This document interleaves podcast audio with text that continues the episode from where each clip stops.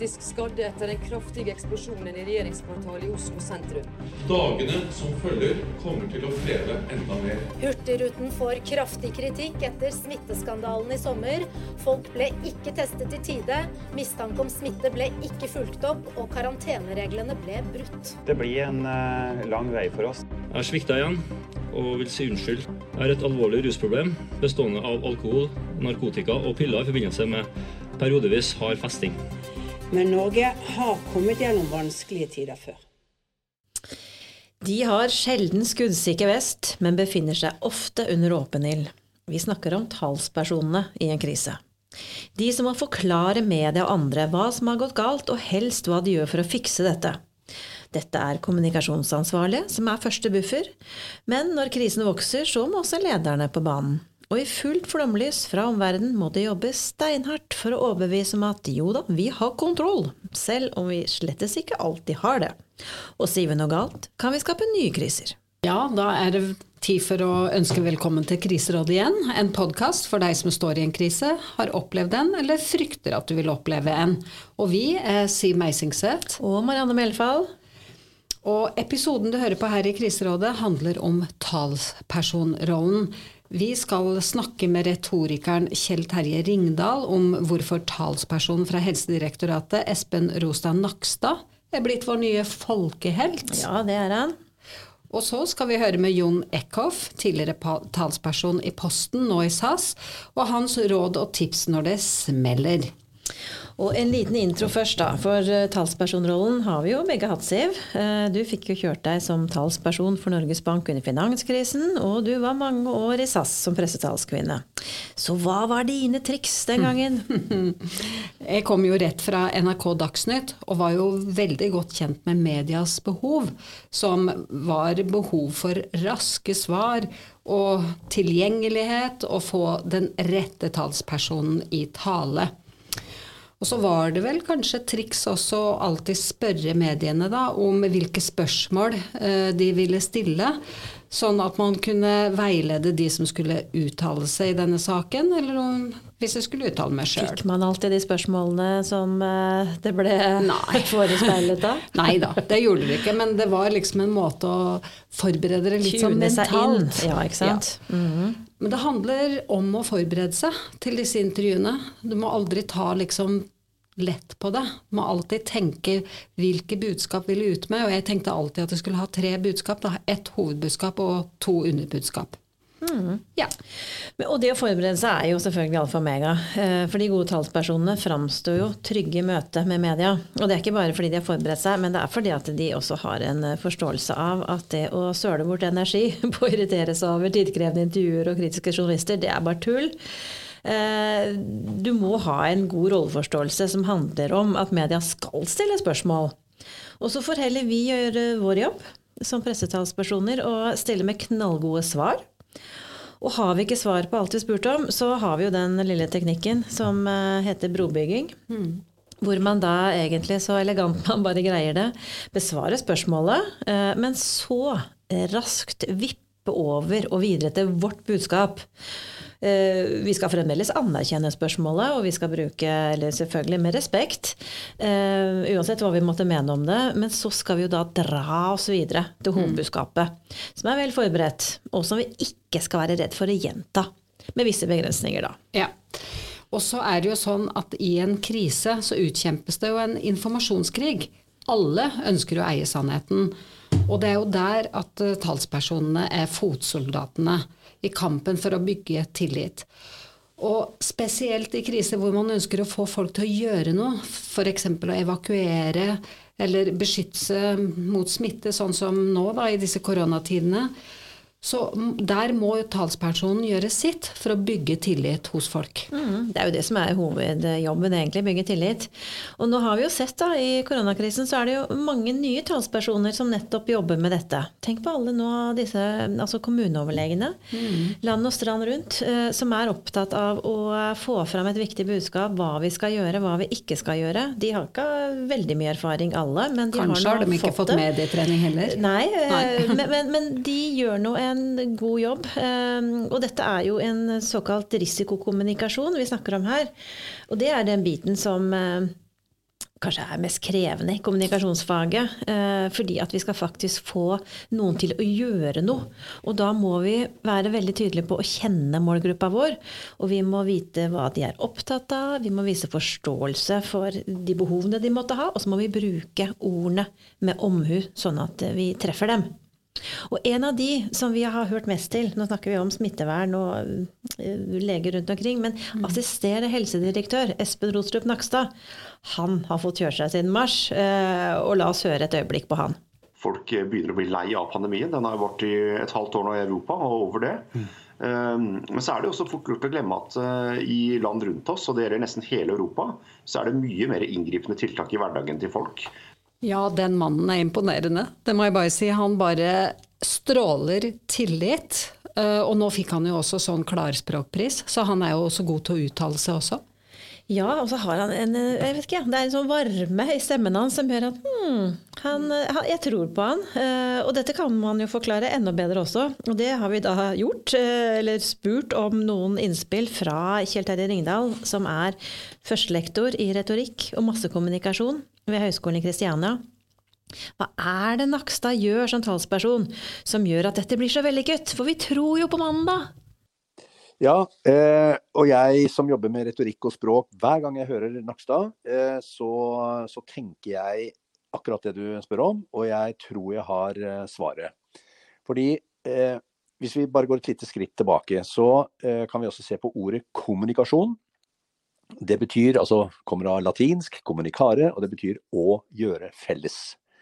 Det å skape et fellesskap mellom deg som avsender og mottakeren, det er der trikset ligger. Så enhver som klarer å se den andre, forstå den andre, og integrere eh, den andres perspektiv i sitt eget svar, han eller hun er på god vei mot å overbevise.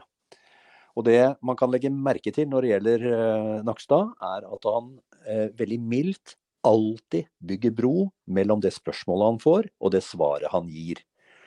Eh, forleden så ble han spurt om, om, forskning på NTNU som var veldig kritisk til helsemyndighetenes strategier.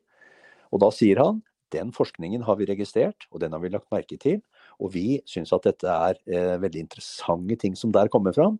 Men så langt så har vi valgt å la det ligge litt, og så kan vi heller se litt på den kritikken senere. Og det gjør han hver eneste gang. Så bygger han en bro mellom spørsmålsstiller og eh, han selv som eh, den som skal svare.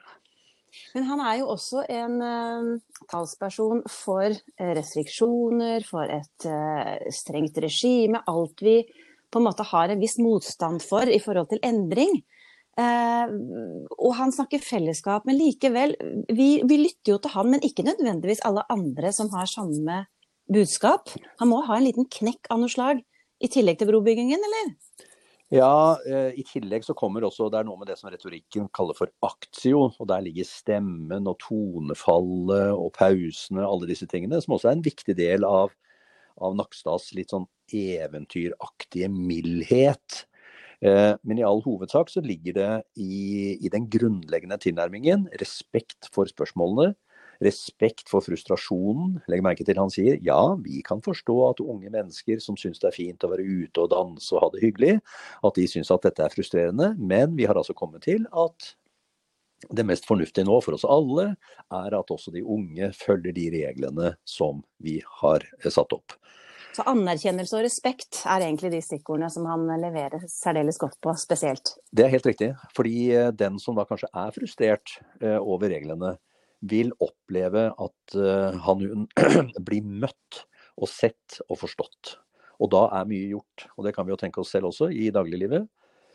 Hvis vi blir møtt med en respekt for vår egen frustrasjon, så vil vår puls synke, og vi vil være i mye større grad i stand til å snakke videre om våre frustrasjoner med den som har frustrert oss. Mm. Og du som jobber med retorikk vet jo mye om hva det er som gjør at vi tror på folk eller ikke. Så hvilke råd vil du gi til en talsperson som eh, kan hjelpe i å overbevise ennå noen hakk? Ja, det, det, ene praktiske er jo da man kan høre på, på Nakstad. Eller man kan høre på Aristoteles. fordi det Aristoteles sier om det å være troverdig, det er at da må du ha tre ting på plass. Og det ene er altså eh, eh, kunnskap. Du må kunne sakene dine. Fordi vi tør ikke stole på noen vi tar i å tenke feil eller gjøre feil eller ha feil. Så kunnskap er viktig. Og så må du ha karakter. Du må være en som man kan stole på, en du har tillit til, en som holder avtaler. Alle disse dydene som gjør at vi kan bli oppfatta som, eh, som, en god person, som en god venn, som en god mann, som en god kone. Alle disse tingene som ligger til karakter. Og det siste kommunikasjon. Evne til å formulere, evne til å snakke på en måte som gjør at du blir forstått.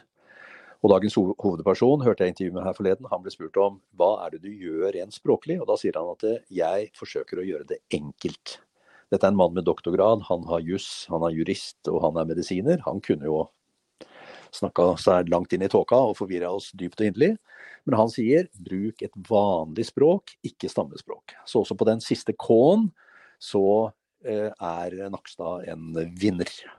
Ja, det er han definitivt, Nakstad. Eh, samtidig så må vi vel også understreke at Aristoteles heller aldri blir helt utdatert. Og det er jo egentlig kanskje litt pussig, men det er en 2500 eh, år gammel metode som funker fremdeles når man skal overbevise. Og det skal man jo som talsperson. Jeg må si jeg har personlig veldig sans for retorikk som metode, og den kan alle lære seg. Ja, og nå har vi fått en ny gjest her i Kriserådet, som også kan en god del om talspersonrollen.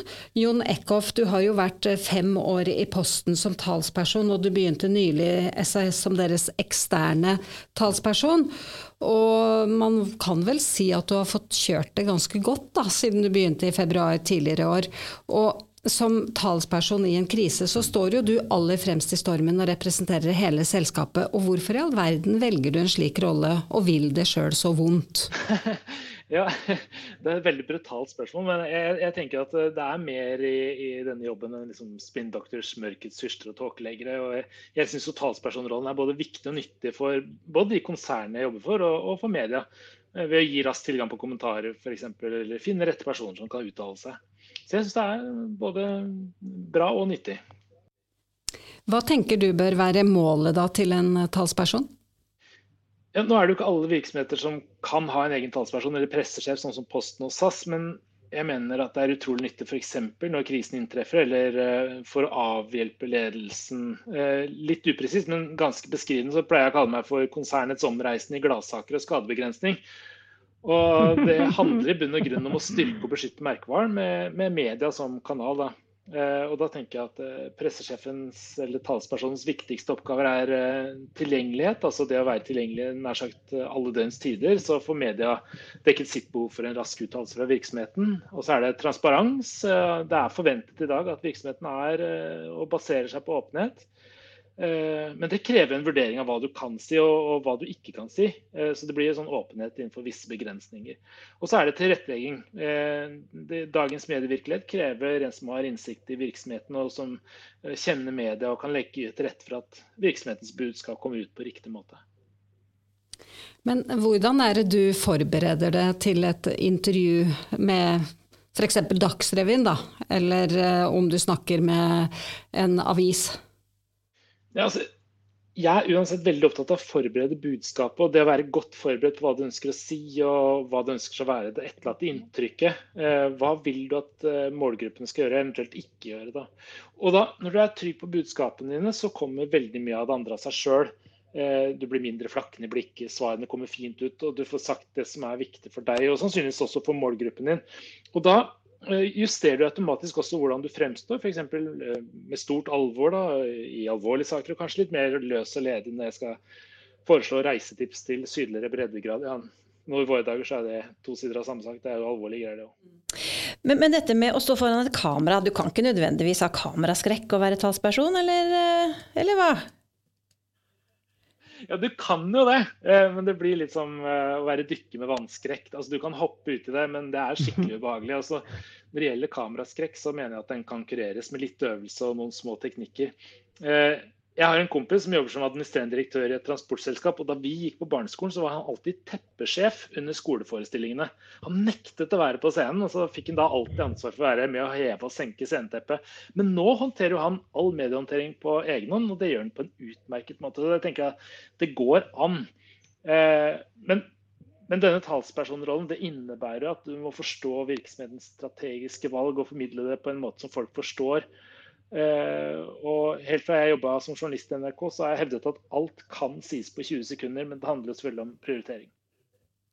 Det er akkurat det. Og det er litt morsomt at du sier at det er faktisk mulig å ta kontroll på denne kameraskrekken, for det ser jeg med mange som Som du sier, han som var der med sceneteppet, da. Det blir jo knallgode, gnistrende folk når de bare på en måte kommer i sitt rette element og har både forberedt seg og trent, da, sånn som du eh, snakker om der.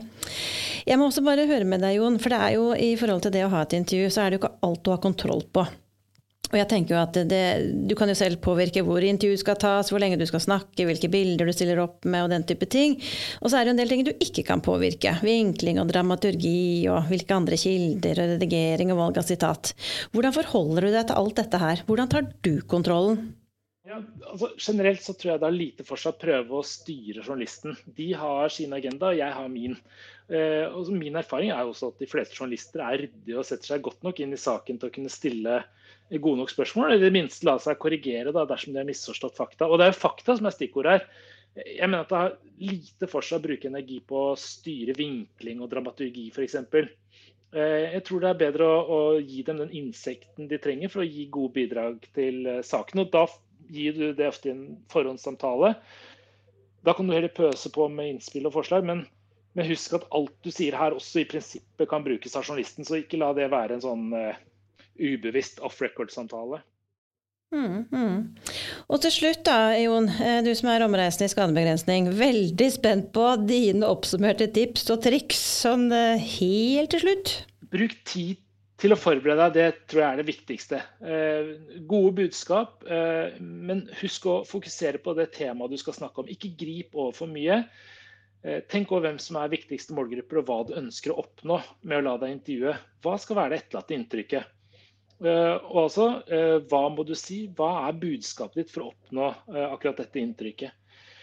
Og denne forberedelsen du skal gjøre nå, den trenger ikke å ta mer enn noen minutter, men det mener jeg det er god investering i tid. Hode, hjerte, hender.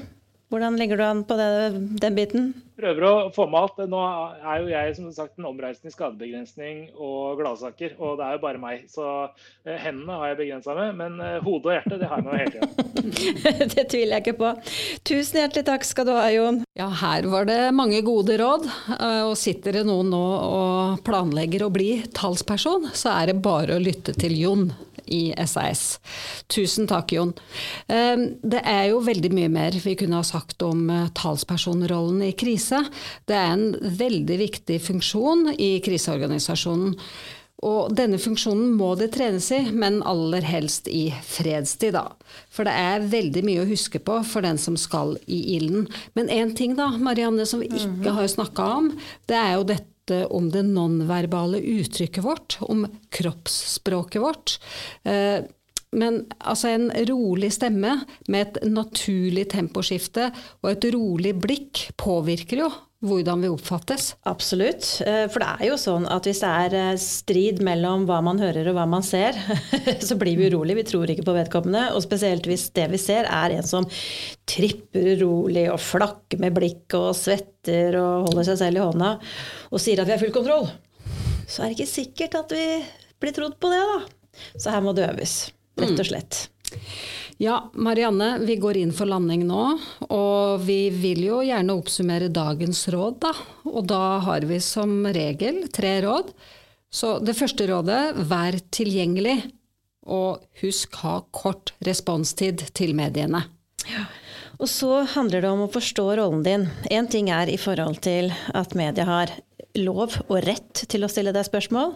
Det andre er jo at du representerer en strategi som din organisasjon har valgt. Det du snakker om er eh, forankret i den strategien. Hvilken rolle dere har i krisen. Og det siste tren. De mest erfarne. Alle du ser mye i media, de trener mye. Gjør det du også.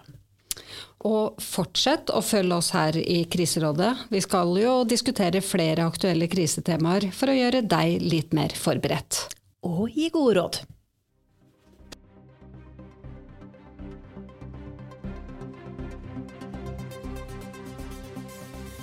Du har nå hørt en episode av Kriserådet, en podkast teknisk tilrettelagt av Etern Media. Og du har i dag hørt et lydopptak fra TV 2.